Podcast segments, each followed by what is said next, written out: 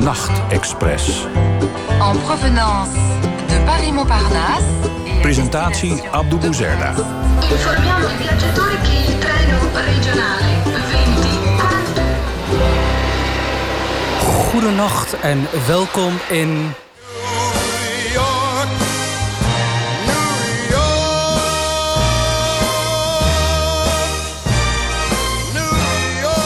Ik had het natuurlijk nooit zelf zo goed kunnen aankondigen. Frank Sinatra wist waar hij het over had. The City That Never Sleeps, New York. Welkom op halte 10 van onze nachttrein. Twee uur lang zijn we in de Big Apple. Met muziek uiteraard, cultuur, reportage. En we gaan het een klein beetje hebben over de beroemdste New Yorker op dit moment. Hij zelf zou zeggen, the most famous ever. Ik heb het natuurlijk over de Donald. En dit doen we allemaal met een enthousiaste reisgids. Hij heeft er jarenlang gewoond en gewerkt als componist. Hij houdt zoveel van deze stad dat hij er zelfs muziek over gecomponeerd heeft met de titel The Living City. Zijn naam is Diederik Rijpstra en met hem zijn we op halte 10 New York.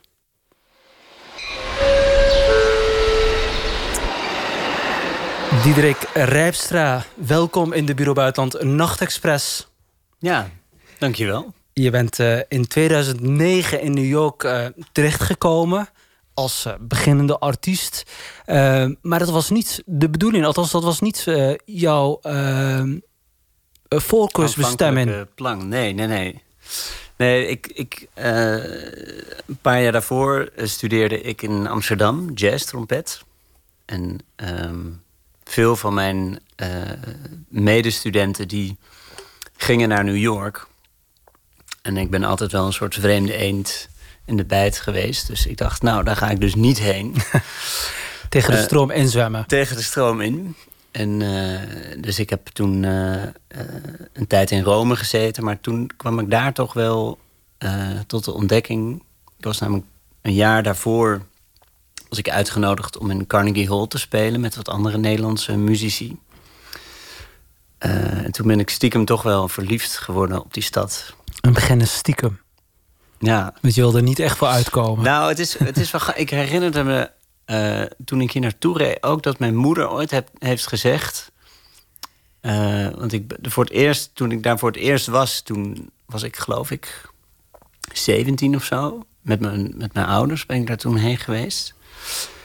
En toen stonden wij zo in een metrohalte. En toen kwam de A-Train, die kwam zo aan. Mm Nou, dat is een heel bekend jazznummer. Take the A-Train.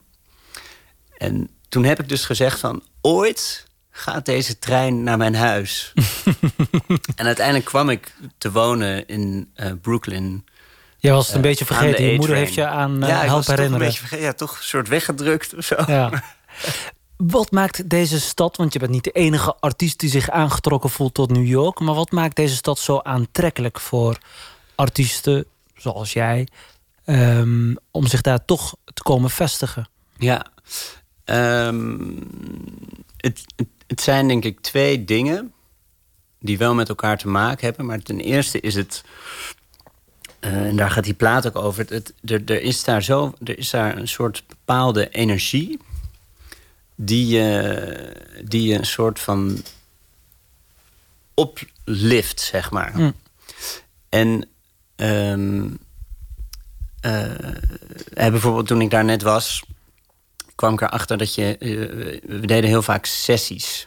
Dus dan, ga, dan bel je gewoon een paar gasten op. Um, en dan ga je, naar, ga je een uur in een metro zitten... ergens naar Harlem, naar een of ander appartement. Dan ga je in een kamer, staat dan een drumstel... en dan komt er een bassist en een pianist. En dan ga je gewoon jammen. Maar dat is niet lang van tevoren gepland. Dat is gewoon nee, heel nee, impulsief. Nee, Nee, en in, in, in Nederland gebeurt dat niet. Maar daar is dat heel normaal. En dan heb je weer een session met die en dan weer met die. En dan, uh, dus er, er is daar gewoon heel veel energie. Dus mensen, en dat is het tweede ding, is, die gaan daar ook echt heen voor inspiratie. Mm -hmm. Dus aan de ene kant word je, je krijgt meer energie, je wordt productiever. En je ontmoet ook gewoon heel veel mensen. Je komt opeens in een soort sneltreinvaart in aanraking met allemaal nieuwe soorten muziek. En, uh, dus ik werd daar ook heel erg geïnspireerd. Ja. En zijn er nog uh, mensen die je zijn bijgebleven? Misschien wel bekende artiesten? Nou, degene, degene die me nog steeds bijblijft is, een, uh, is ook een trompetist, een beetje van, ook van mijn leeftijd. Die heet Ambrose Akin Musery. Akin Musery? Ja, Akin Musire, zo schrijf je het. Mhm. Hele lieve jongen. Maar het is, hij is een soort, echt een soort uh, tovenaar op de trompet. Mm. En uh, hij heeft ook gestudeerd bij Laurie Frink. Dat, was, dat is ook mijn uh, techniekdocent daar geweest. Ook een hele lieve. Ze is inmiddels overleden, helaas. Te vroeg. Uh, maar die heeft heel veel trompetisten um, les gegeven. En waaronder hij, hem ook. En hij kan echt zo. Dus, nou, het is echt. Ja, ja het is geweldig. Echt fantastisch. Ja. ja. Uh, je krijgt ook nu energie van als je erover uh, spreekt. Um, in die periode dat jij in New York zat, um, als ik het goed begrepen heb van, uh, van jou, dan is dat tussen 2009 en 2014 geweest. Ja. Heb je daar alleen maar gestudeerd of ook gewerkt? Nou, ik heb daar. nee, ik heb wel. Ik heb daar anderhalf jaar gestudeerd. Mm -hmm. Dus van 2011 tot 2014 studeerde ik daar niet. Maar ik verdiende vooral geld met compositieopdrachten die ik um, uh, vooral voor Nederlanders deed. Ik heb daar wel wat verdiend, maar niet, niet zo gek veel. Dat is ook echt wel lastig. Nou. En, uh, dat is ook een hele dure stad. Het is een hele dure stad, ja. En als je, ik, ik was daar wel bezig om mijn eigen projecten te ontwikkelen. Dus dan, als je dan wil gaan spelen, dan ben je gewoon... Je, je bent sowieso 200 dollar kwijt voor de band. En dan gaat er zo'n tipjar rond, weet je wel. Nou, dan ben je blij als er 30 dollar in zit. dus het is Ja. gewoon, ja... Het kost alleen maar geld. Ja. En uh, ik heb wel een tijdje ook... Toen zat ik iets te veel te componeren Mhm. Vond ik zelf. En um, toen dacht ik, ik moet, ik moet eruit. Dus toen ben ik in een koffiebar gaan werken. Zo, allemaal van die hipsters. Hi, could I have a soy latte? Double cappuccino, frappuccino, soy latte, please. Ja, ja, ik ja. ging daar als barista. daar kwam mijn liefde, Ja. bedenk ik nu, mijn liefde voor, voor Rome en New York heel mooi samen. Oké. Heel goed. Koffie, koffie zetten, ja. Ja, en eh, eh, tot slot nu even. eh, we gaan aan het einde van het eerste uur nog uitgebreid over jazzmuziek praten. Maar in welke café moeten we zijn als we nog rauwe, ongeraffineerde jazzartiesten willen horen? Die live optreden. Ja, nou, waar ik toen, toen, toen ik voor het eerst in New York was, toen ben ik naar Smalls geweest. Maar dat is, toen, toen druipte er echt allemaal eh, water uit het plafond. En ze hadden ook geen alcoholvergunning. Er stonden van die jerrycans met ehm, limonade. Maar dat is inmiddels eh, al gepimpt, zeg maar. En ik ging, toen ik er woonde, veel naar de 55 bar. Dat is echt zo'n klein barretje. Waar zit dat? Ja, ergens ook in de, in de village. Hm. Precies weet ik niet meer. Nee. En je hebt ook de Fat Cat, dat is ook wel echt leuk. Dat is zo'n heel groot ding met allemaal snoekertafels en, en allemaal bier en, en, en zo'n gedampte sfeer hangt daar. En dan Hm. staat er ook zo wham, zo'n bandkaart spelen. Wauw. Ja. Nou, aan het einde van eh, dit uur staan we nog uitgebreid stil eh, bij eh, jazzmuziek. In die tussentijd duiken we de straten in van New York. Gaan we het hebben over jouw stadsdeel, Brooklyn voor alle duidelijkheid. Vandaar heb je gewoond. En we hebben contact met een topbankier op Wall Street, Michiel van der Voort. Waar goed geld verdiend wordt met Trump in het Witte Huis. En we hebben muziek uiteraard. We beginnen gewoon met Frank Sinatra. We hadden net een klein stukje van, van hem gehoord. Maar laten we maar naar het hele nummer luisteren, toch? Yes.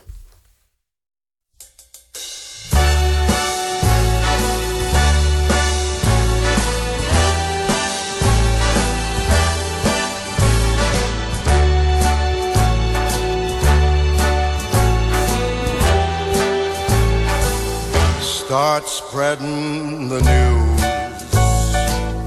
I'm leaving today. I want part of it. New York, New York. These vagabond shoes are longing to stray right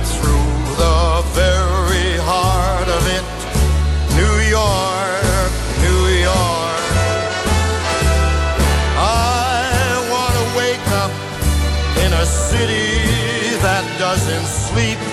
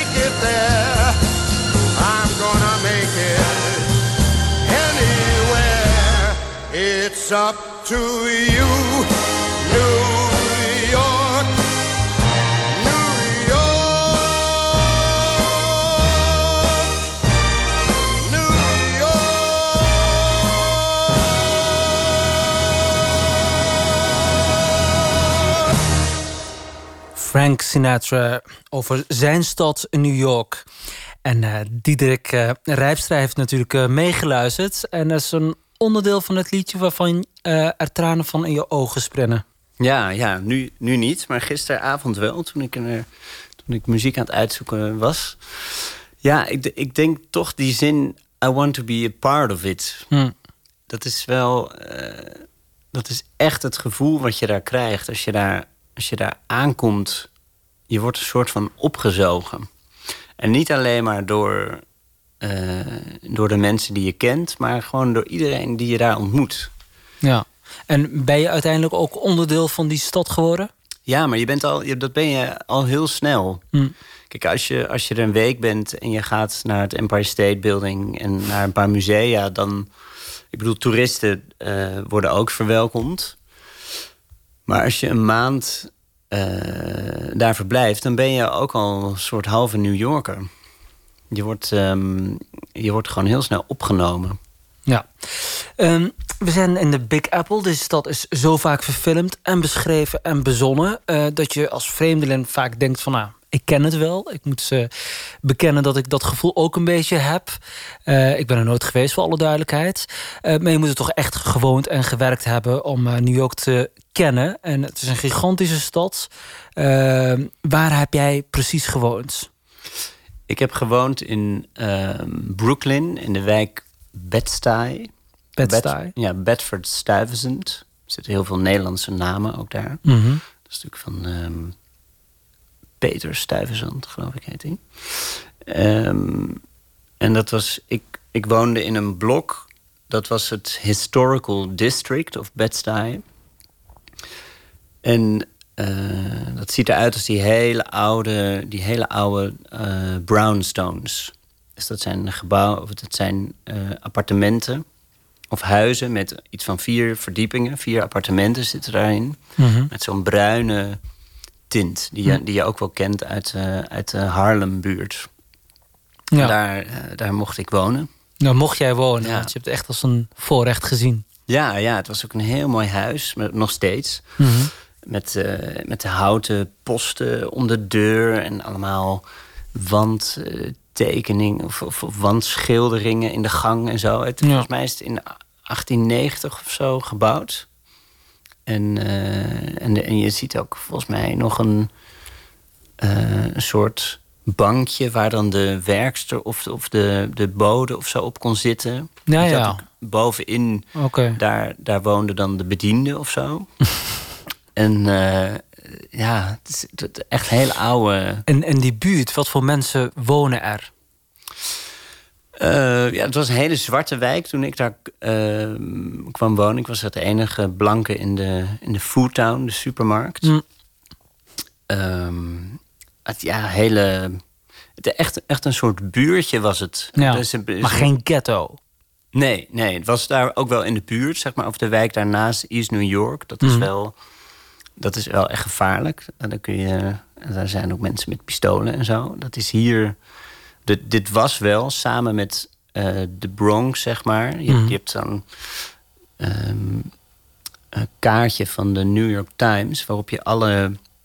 Kun je teruggaan in de tijd en kun je alle homicides zien. Dus alle moorden die er gepleegd zijn. Dat worden dan met de rode stipjes aangegeven. En waar ik woonde, was, dan, eh, was eh, zeg maar acht jaar daarvoor, was één grote rode vlek. Gewoon alleen maar pam, pam, pam. En dat is toch veranderd. Ja, dat is Ja. zeker veranderd. Ja. Ja. En maar hele lieve mensen. En eh, iedereen zei, hey, Mr. Trumpet man, what's up? ja, heel leuk. Mr. Trumpetman, dat was Ja. jouw nickname daar. Ik mocht daar ook, ze wilden, ze wilden ook dat ik daar speelde. Dat Ja. ze... En dan deed je daar op straat.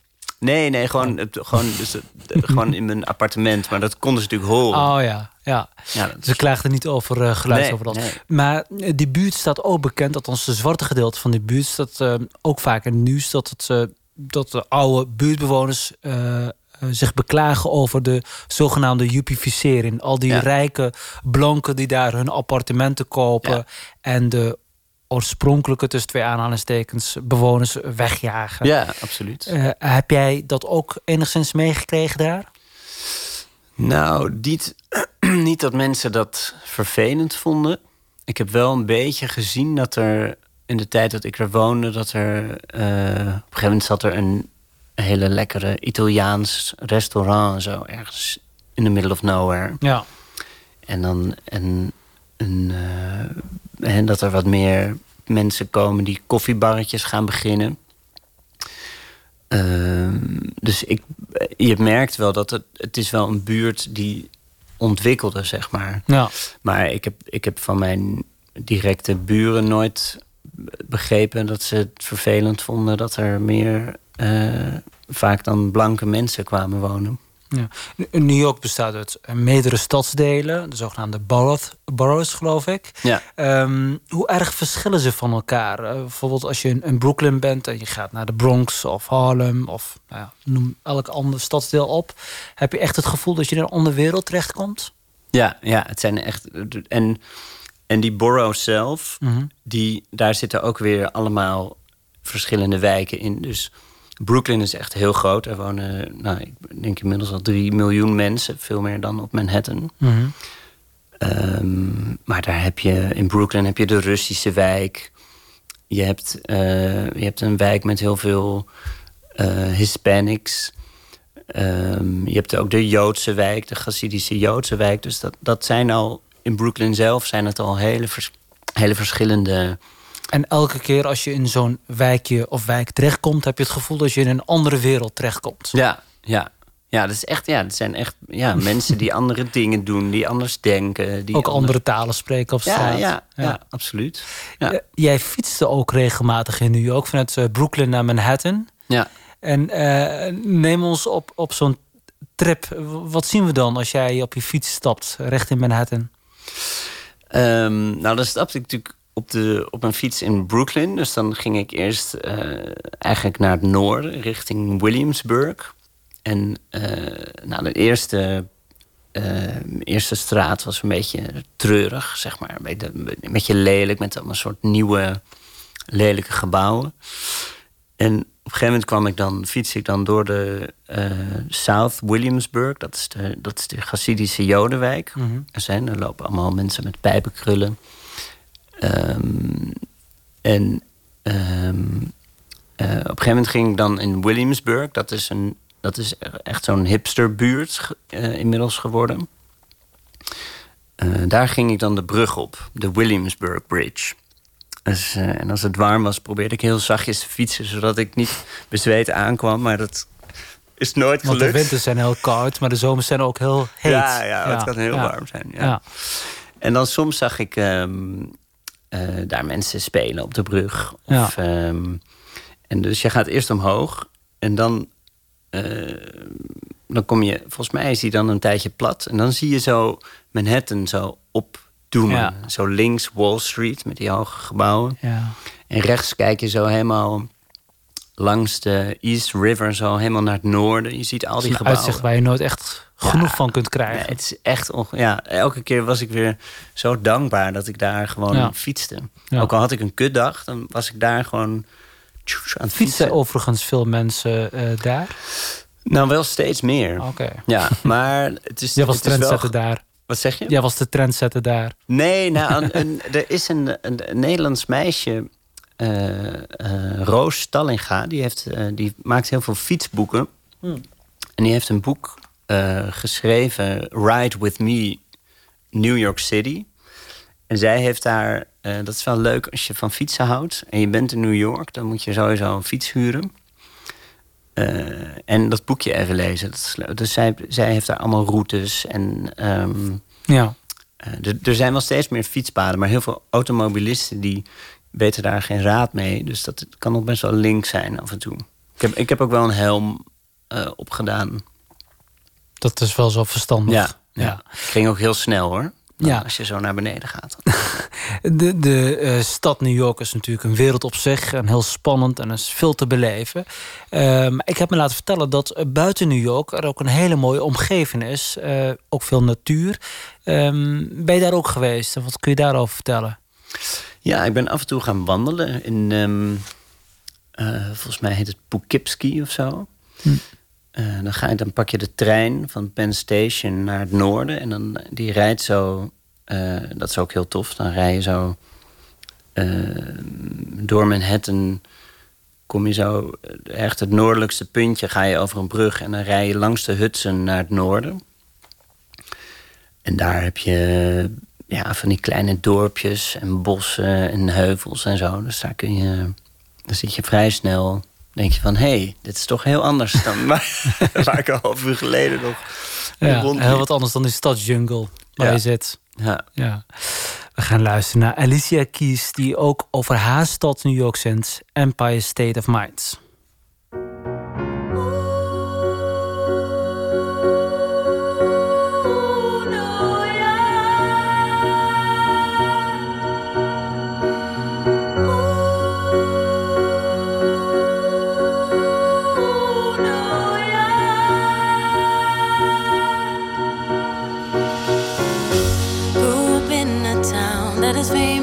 Famous as a place of movie scenes.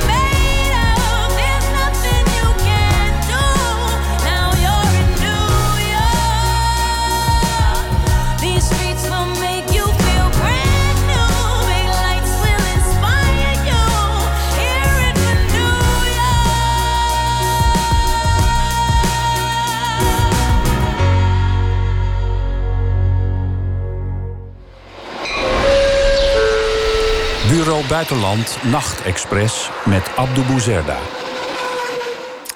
Give me your turret, your paw, your huddled masses yearning to breathe free.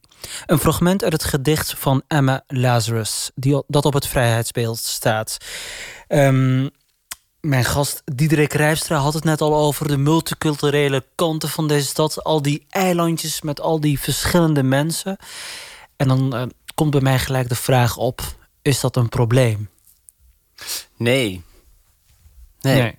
Nou ja, het is natuurlijk niet heel nieuw. Eh, New York wordt vaak als ideaalbeeld opgehangen van kijk eens, iedereen leeft er vredig naast elkaar. Ehm, maar is dat ook echt zo? Ja, er, er, er is ongetwijfeld eh, racisme en dat, ja, dat, dat, hè, dat is gewoon nog best wel een thema in Mhm. de VS.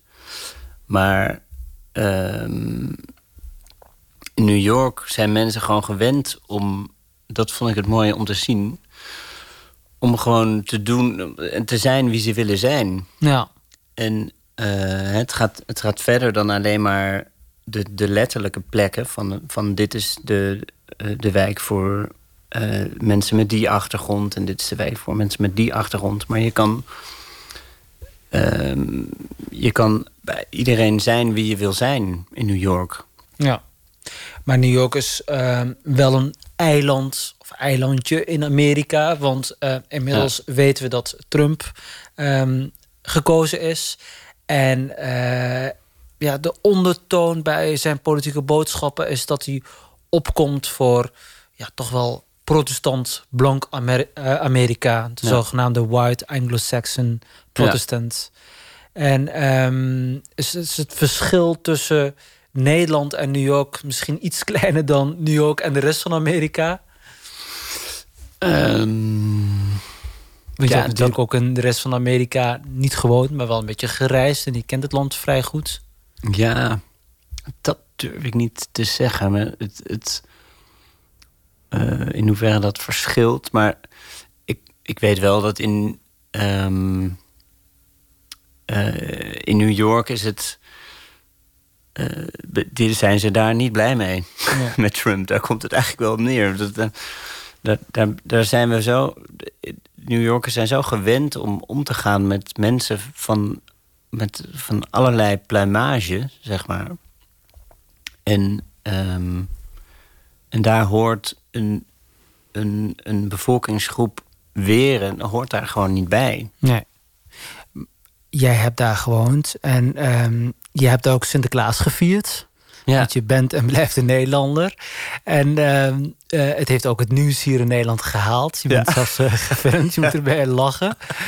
Eh, en er deden ook gewoon pieten mee. Alleen die pieten die waren toen Ja. niet geschminkt, hè? nee, nee, want Sinterklaas in New York die heeft alle pieten behalve zwart. Ja, Ja, ja alle pieten behalve Ja. zwart.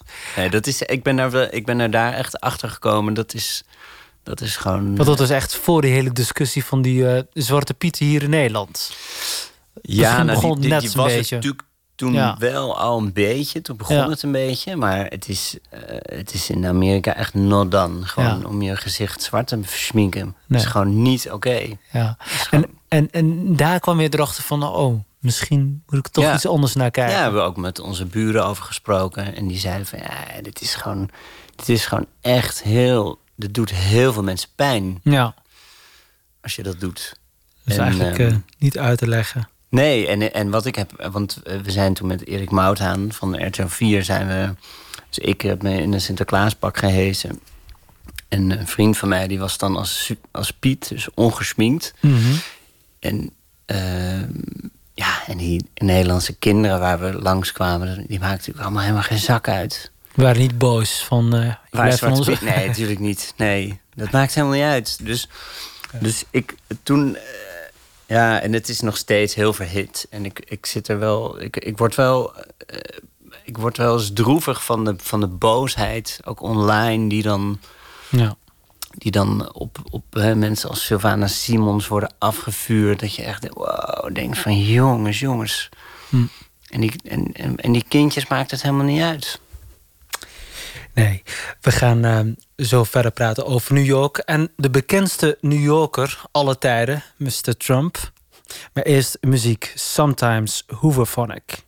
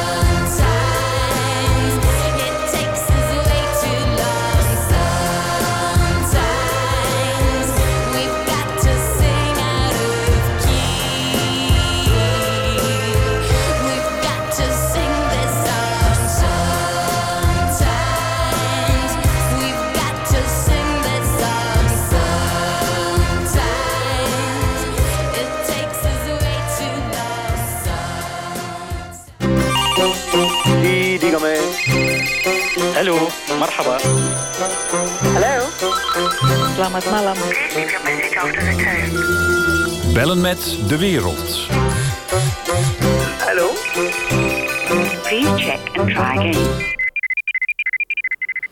En hij gaat over in Austin, Texas daar weet het techbedrijf T3 eh, de negatieve tweets van Donald Trump tot iets positiefs om te buigen. Dankzij hun zogenaamde Trump and Dump bot maken ze snelle winst op de beurs. En dat geld gaat naar puppyopvang. Ik vroeg directeur Ben Gerris hoeveel hondjes hij inmiddels heeft helpen eh, een onderdak eh, te krijgen. so the the ASPCA is uh, has not given us the exact numbers. Een paar honderd denk ik toch wel. ASPCA, de organisatie aan wie wij het geld doneren, heeft ons nog niet gemeld hoeveel jonge honden ze hebben kunnen opvangen. love. Maar ik ben blij te kunnen zeggen dat we zeker voor veel puppies onderdak hebben geregeld. uh, animals. Op ons Uh, kantoor hebben we alleen al 15 tot 20 honden rondlopen. Je kunt ons gerust uh, echte and dierenvriendjes noemen. Maar hoe werkt het dan precies? Hoe verdien je geld aan Trumps tweets? Everyone is asking what to do about Donald Trump's tweets, and they're constantly looking Net als de rest van het land uh, vielen ons natuurlijk de vele tweets van president Trump op. Die hebben vaak een negatieve impact. En we vroegen ons af of we er iets mee konden doen. Het oorspronkelijke idee kwam van een collega op onze vestiging in New York. We hebben binnen een week een algoritme ontwikkeld dat als het ware luistert naar het Twitter-account van Donald Trump. Een soort rekenformule die de tweets kan analyseren. We noemen het de Trump and Dump bot. Een soort robot die op basis van zijn tweets binnen 20 milliseconden kan handelen. Als er bijvoorbeeld iets negatiefs verschijnt over een beursgenoteerd bedrijf, dan kan de Trump-bot daarop snel handelen en winst maken. En die winst doneren wij weer aan de puppyopvang. The profit that we make goes to the ASPCA. En hoeveel winst hebben jullie inmiddels gemaakt? We're not uh, releasing how many. Dat kan ik helaas nog niet bekendmaken. Als we dat doen, dan geven we ook het geheim achter ons algoritme weg.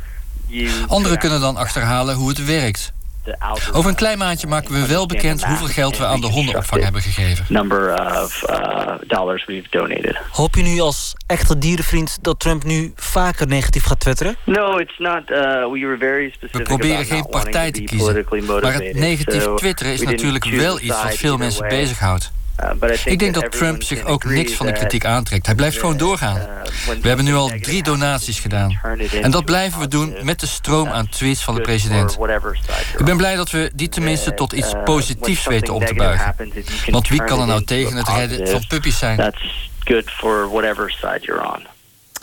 Ja, daar kun je eigenlijk eh, niet eh, tegen zijn. U hoorde een gesprek met de directeur van het techbedrijf T3. En meegeluisterd heeft eh, Michiel van der Voort. Hij is topbankier bij het Franse bedrijf eh, Société Générale op Wall Street. U weet wel, het walhalla van het kapitalisme in New York.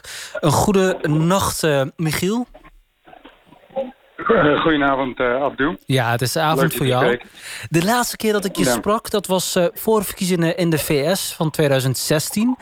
Je twijfelde toen heel erg op wie je ging stemmen, want je bent een republikein. Wat is het uiteindelijk geworden? Ik heb uiteindelijk op eh, Hillary Clinton gestemd. gestemd. en deed dat pijn? Eh, nou, dat heb ik wel met een dichtgeknopen neus eh, gedaan. Ja, maar ik had, er, ik had er in mijn ogen wel goede redenen voor op dat moment. ja.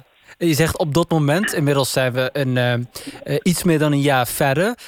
Op wie zou je nu gestemd hebben als je weer die keuze zou mogen maken tussen Trump en Hillary? Nou, ik denk op dit ogenblik eh, dat ik op Trump zou stemmen. En met name omdat eh, ik denk dat, eh, dat zijn, zijn een aantal besluiten die hij genomen heeft... zeer in de lijn liggen met, waar, met de dingen waar ik het mee eens ben. Ja, en, en Bijvoor- bij- Bijvoorbeeld? bijvoorbeeld, bijvoorbeeld de, Supreme, de Supreme Court Judge. Dat is het Hoge Rechtshof. Die mag de president aanwijzen en die blijft dan zitten tot ze zijn of haar dood. Eh, dat, kan, ze kunnen ook ontslag nemen, maar inderdaad, eh, ja, dat is in principe een positie voor het leven. Ja. En, en, en eh, dat is één ding, maar ik denk als bankier dat je ook heel erg kijkt naar de economie. Met andere woorden, is Trump een zegen voor de Amerikaanse economie? Ja, dat denk ik wel. En met, een van mijn klanten heeft dat goed verwoord recentelijk. En die zegt, toen, toen hij gekozen werd, toen Trump gekozen werd, toen we felt free again, zei hij. Ja. De, de, ondernemings, de ondernemingsgeest eh, heeft een enorme boost ervan gekregen. En dat is wel grappig dat je dat zegt, want uh, uh, in Nederland wordt er natuurlijk vaak bericht over uh, Trump en dan in het bijzonder over zijn tweets. En hij twittert nogal vaak en dan twittert hij over zijn successen en de uitwerking daarvan op de economie. En dan denken vaak mensen hier in, Nederland te weten dat, nou ja, goed, de economie gaat wel goed, maar dat is niet per se de verdienste van Trump. Maar daar kijk jij dus anders tegenaan. Nou, daar ben, daar ben, ik het voor een groot gedeelte wel mee eens. Want de economie is natuurlijk een trend, uh, is, een, is een langer termijn verhaal. Maar ik denk dat in de korte termijn inderdaad optimisme wel een effect kan hebben op mensen. Um, en wat betreft bijvoorbeeld uh, de beurs. En de beurs helpt dan weer het andere positivisme. Dus ik, ik, denk dat daar wel, dat daar wel een enige, enig verband uh, tussen zit. Maar in uiteindelijk wat de economische groei voorstelt heeft uiteindelijk in lange termijn, uh, heeft met lange termijn politieke beslissingen te maken. Ja, ik zei net al, uh, er wordt veel gezegd en geschreven over hem. En dat is in Amerika vele malen meer. Uh, en de indruk ontstaat dan heel snel dat het een madman is die er een puinhoop van maakt. deel jij die analyse? Ben je het daarmee eens? Vind je dat de media in Amerika recht aan deze president doen? dat vind ik dus helemaal niet. En dat is een van de redenen waarom ik dus meer aan, achter hem sta. Omdat ik vind juist dat zeg maar de, wat ik noem de, de anti-Trump-hysterie... Uh, echt een beetje overboord is. Of een beetje, een beetje veel overboord. Hmm. En, en, en vind je dat de media daarin doorschieten? Ja, dat denk ik wel. Ik denk dat, uh, dat de media, ook omdat de media, ik denk dat, dat veel mensen dat met mij eens zijn, over het algemeen iets aan de linkerkant van het spectrum zit. Ja. Dus ik denk dat de media dat, dat wel uh, daar, daar erg aan meehelpt. Ja. Ja. Een voorbeeld zou ik uh, willen zeggen, bijvoorbeeld dat, dat, dat rechts, om het zo maar te zeggen, rechts publicaties die zijn best kritisch over, over Trump. Maar je zult bijvoorbeeld nooit zeggen dat de linkse publicaties kritisch zouden zijn geweest over een Obama of een, of een Clinton. Ja. En uh, uh, je hebt natuurlijk democratische vrienden. En niet op de laatste plaats jouw vrouw is democrat. Dat betekent dat je vaak uh, thuis aan tafel discussies hebt? Ja, of juist niet. om, dat, om, het, om het te vermijden, omdat dat ja. dan een beetje te verhit kan gaan. Maar, maar zo, zo, zolang je met elkaar kunt praten, dan is dat wel belangrijk. Dat, ja, dat maar het is niet zo dat jullie ruzie hebben. Dat, dat, dat, dat is een enorme slapen. vrijheid. Ja. Ja. dat is een enorme vrijheid. Nou, soms wel. Toch wel? Wat is de laatste nou, ruzie dat je op de bank moest gaan slapen over Trump dan? nee, zo, zo erg is het gelukkig niet. Oké, okay. ja. Uh, uh, heb jij hem eigenlijk wel eens ontmoet? Want uh, je werkt in Wall Street in, uh, in Manhattan. En hij komt dus vanuit New York. Hij is een echte New Yorker. Um, heb jij hem wel eens ontmoet of gezien ergens? Ja, ik ben hem ooit een keertje tegengekomen in een restaurant. Dat is denk ik een, een jaar, of tien, jaar of tien geleden. Heb ik hem gezien, inderdaad. maar verder nooit de hand geschud of zo. Nee. nee. En, en, en, ja, ik, ik kwam hem toen tegen en dat was, een, was in een, in een, dat was een vrij druk restaurant. En hij was daar met, met een aantal gasten. En een van de dingen die mij niet aanstond over hem... en daar, daar wordt ook wel over geschreven op dit moment... is dat hij opstond van de tafel... En als eerste gewoon wegloopt in plaats van de dames eerst te laten gaan. En zo ben ik niet opgevoed. een aantal dames dus, bij zich op dat moment. Hij had een aantal dames bij zich op dat moment inderdaad. Ja. En daar wordt nu ook over geschreven als hij zijn, zijn, zijn eigen vrouw niet eerst laat gaan. Nee. Dat zul je waarschijnlijk wel gezien hebben. Dat heb ik gezien, dus dat is niet per se dat hij een slecht huwelijk ja. heeft met, uh, met Melania. Maar hij is gewoon zo. Hij, hij gaat gewoon als eerste, dus dat is, dat is niet het probleem. dat, dat denk ik ook. ja. Uh, mee, aan het meeluisteren is dus um, onze reisgids Diederik Rijstra, componist... die een aantal jaren ook in New York gewoond heeft. Uh, Diederik, je hebt ook vrienden daar. en je bent voor de verkiezing, van, voor alle duidelijkheid, vertrokken vanuit New York. Dus voor de verkiezing van 2016. Ja. Um, wat vinden zij ervan dat uh, Trump de president is? Zijn ze blij, neutraal of zijn ze gechoqueerd? Nee, veel van mijn... Uh, hallo uh, Michiel, goedenavond. hallo Rick. Um, nee, ik heb, ik had natuurlijk heel veel... Ik heb heel veel arme muzikantenvrienden. Ja. Uh, dus die zijn, uh, die zijn uh, allemaal vrij links. Dus die waren wel, sommigen die hadden echt tranen in hun ogen. Ja. toen dat gebeurde. Heel erg trein en oog. Ja. Eh, Michiel, Michiel van der Voort, de indruk zou kunnen ontstaan... ja, jij bent eh, bankier eh, op Wall Street. Zie je wel, eh, Wall Street is gewoon heel blij met, eh, met Trump. De gewone Amerikaan, ja, die, die, die praat natuurlijk heel anders over Trump. Nou, ik, ik, weet- ik weet niet of dat zo is, want het is natuurlijk de, de, in de analyse hebben veel mensen gezegd over de verkiezingsuitslag dat, de, dat Trump gekozen is door de gewone man. Street in Wall- Wall Pennsylvania, in, ja. ja, in, ja, in, in, in Pennsylvania en in Michigan, de coal miners en de factory workers. Ja, dat wordt over het algemeen gezegd. Dus het is niet alleen de, de Wall Street mensen. En als je kijkt naar de Wall Street mensen die bijvoorbeeld in het kabinet zitten of in het supportteam van Trump, daar zit een vrij groot aantal democraten in. Eh, Gary Cohn, die net slag genomen heeft. eh, vanwege- eh, Steve, Steve Mnuchin, de, de, de, de Treasury Secretary. Ja. Dat waren allemaal long-life Democrats.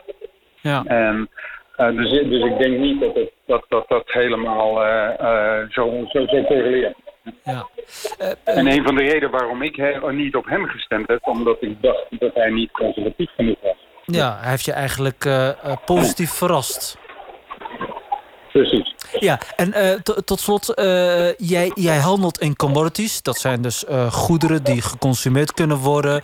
Koffie, thee, maar ook staal. En laat nou toevallig meneer Trump eh, van plan zijn... om de importheffing op staal te gaan verhogen. Nogal aanzienlijk. Is dat toch niet iets wat jou dan zorgen baart? Eh, dat is vreselijk. Dat vind ik een vreselijke beslissing. En eh, meneer Bush heeft dat in eh, begin jaren 2000 ook een keer gedaan. En ik vind dat ik ben een vrijhandelsmens. Zoals goede Nederlander, denk ik. Een vrijhandelsmens. En dat is enorm belangrijk. En ik geloof dat de economie beter is als we vrijhandels eh, zeg maar policies nastreven. En, en dit vind ik, hier ben ik het dus compleet niet mee eens. En je hebt het ontslag gezien vandaag van, van Gary Cohn. puur over dat, dat policy besluit. Ja. Ja. Maar toch zeg je, als je nu weer zou mogen stemmen tussen Hillary en Trump... dan kies jij voor Trump. Ja, want ik denk, ik denk dat het belangrijk is dat we. Nou, een van de redenen is puur ook om. Ja, om die, die anti-Trump-hysterie, dat, dat, dat, dat, dat steekt, mij, eh, steekt mij enorm. En eh, dat, dat vind ik onge- ongebalanceerd. En als het ongebalanceerd is, dan, dan, moet, ik, dan moet ik daar een beetje eh, Tegengas. tegenwicht aan geven. Dat Ja. heb je dan weer zoveel contact. Hè? Dus, eh, dat idee krijg ik een beetje dat ze, dat ze steeds, de, de Democraten en de Republikeinen, steeds verder van elkaar verwijderen. Steeds meer in een bubbel. Ja. Ja. Maar dat, dat geldt niet Ja, voor Michiel maar- van dat Voort, is in want de die is getrouwd met een democraten. Ja. Precies. dat zouden ze eigenlijk allemaal moeten doen. Ja, dat zouden ze eigenlijk allemaal moeten doen, zegt eh Diederik Rijfstra. Michiel van der Voort, eh, hartstikke bedankt. En eh, fijn dat jij eh, een andere blik wilde werpen... eh, en ons laten kennismaken eh, eh, met, met die blik van, op Trump. Dankjewel. Michiel van der Voort, bankier op Wall Street. Bedankt voor jullie beiden. Bureau Buitenland Nachtexpress met Abdou Bouzerda. En we gaan het hebben over jazz. Want New York is naast New Orleans sterk verbonden met deze muzieksoort. Diederik Rijfstra, onze reisgids en componist. Jazz is eh, tegenwoordig gemeengoed in het Westen. eh, maar dat was dus niet altijd zo. Hè? Want eh die muzieksoort, dat, dat heeft nogal een, vrij onstuimige oorsprong en ontvangst gehad in Amerika. Ja, ja ik, heb, ik heb op mijn, mijn jazz history lessons geleerd dat het geloof ik ontstaan is in 1892, geloof ik. In, De eh, jaren is ook echt aan te wijzen. Ja, dat, dat is volgens mij een beetje het gangbare jaar. Wat, Hmm. Het is natuurlijk altijd lastig om dat precies te zeggen. Ehm, maar het is ontstaan in New Orleans. En eh, daar, hè, daar, daar was een, een militaire basis, of heel veel. Er waren heel veel militairen.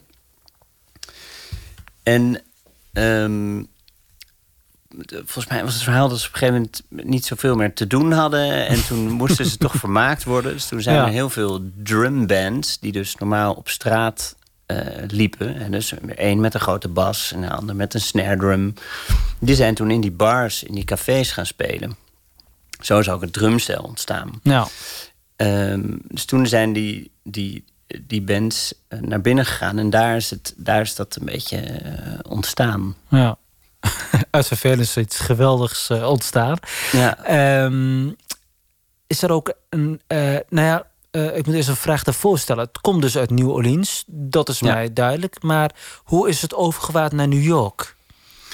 Ja, dat, dat is. ehm, ik las twee dagen geleden ook een artikel dat op een gegeven moment Chicago ook een, een ehm, echt een jazzstad werd, echt in de jaren twintig en zo. De eerste jazzopname is ook van een band die daar vandaan komt. Eh, maar een van de redenen was ook dat het in het zuiden voor zwarte mensen gewoon niet cool was. Dus die gingen gewoon die gingen naar het noorden. En, ehm, en waarom dan precies New York is uitgekozen, dat durf ik eigenlijk niet te zeggen. Maar Ja. Want dat wordt eh, vaak genoemd naast New Orleans. Ehm, is, er een, eh, is er ook een echt een typische jazzklank klank als het gaat om New York? Heeft het een eigen jazz-DNA? Nou, eh, ja, je hebt natuurlijk. Je had natuurlijk in de jaren 50, 40, 50 had je Duke Ellington, die woonde in Harlem. Ehm, en op een gegeven moment had je Charlie Parker, dat zijn echt wereldiconen. En Miles Davis. Dus die, die hebben wel echt eh, de klank van de jazz bepaald. Ja. En het mooie van jazz is dat het altijd verandert. Eh, en dat is nu nog steeds zo. Dat, hè, de, de- als je nu, de, als je nu eh, tien dagen lang in jazzbars rond gaat lopen, dan klinkt het echt, het is echt een totaal andere wereld dan 50 jaar geleden. Want wie zijn op dit moment de namen die we moeten kennen als het gaat om jazz? Ehm, ja, ik ben er dus wel een paar jaartjes uit. Maar, maar die, die eh, wat ik zei, die, die trompetist, Mhm. Ambrose Ekenmusery. Ehm en eh, ja, dat is. Dit, eh, eh, ja, en verder.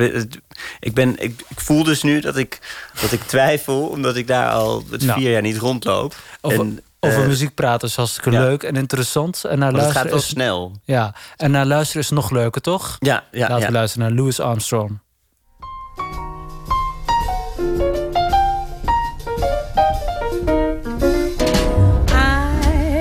Thought I'd found the man of my dreams. Now it seems this is how the story ends. He's going to turn me down and say, Can't we be friends? I thought for once it couldn't go wrong. Not for long, I can see the way this ends. He's going to turn me down and say, Can't we be friends? Never again. Through with love, through with men. They play their game without shame. And who's to blame? I thought I'd found a man I could trust. What a bust. This is how the story ends. He's gonna turn me down and say, Can't we be friends? Yes, I thought I knew the wheat from the chaff.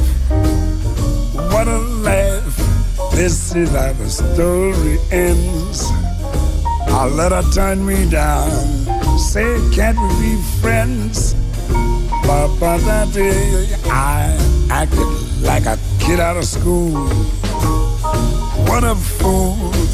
Now I see this is the end. I let her turn me down. Say, can't we be friends? Oh, why should I care? Though she gave me the air.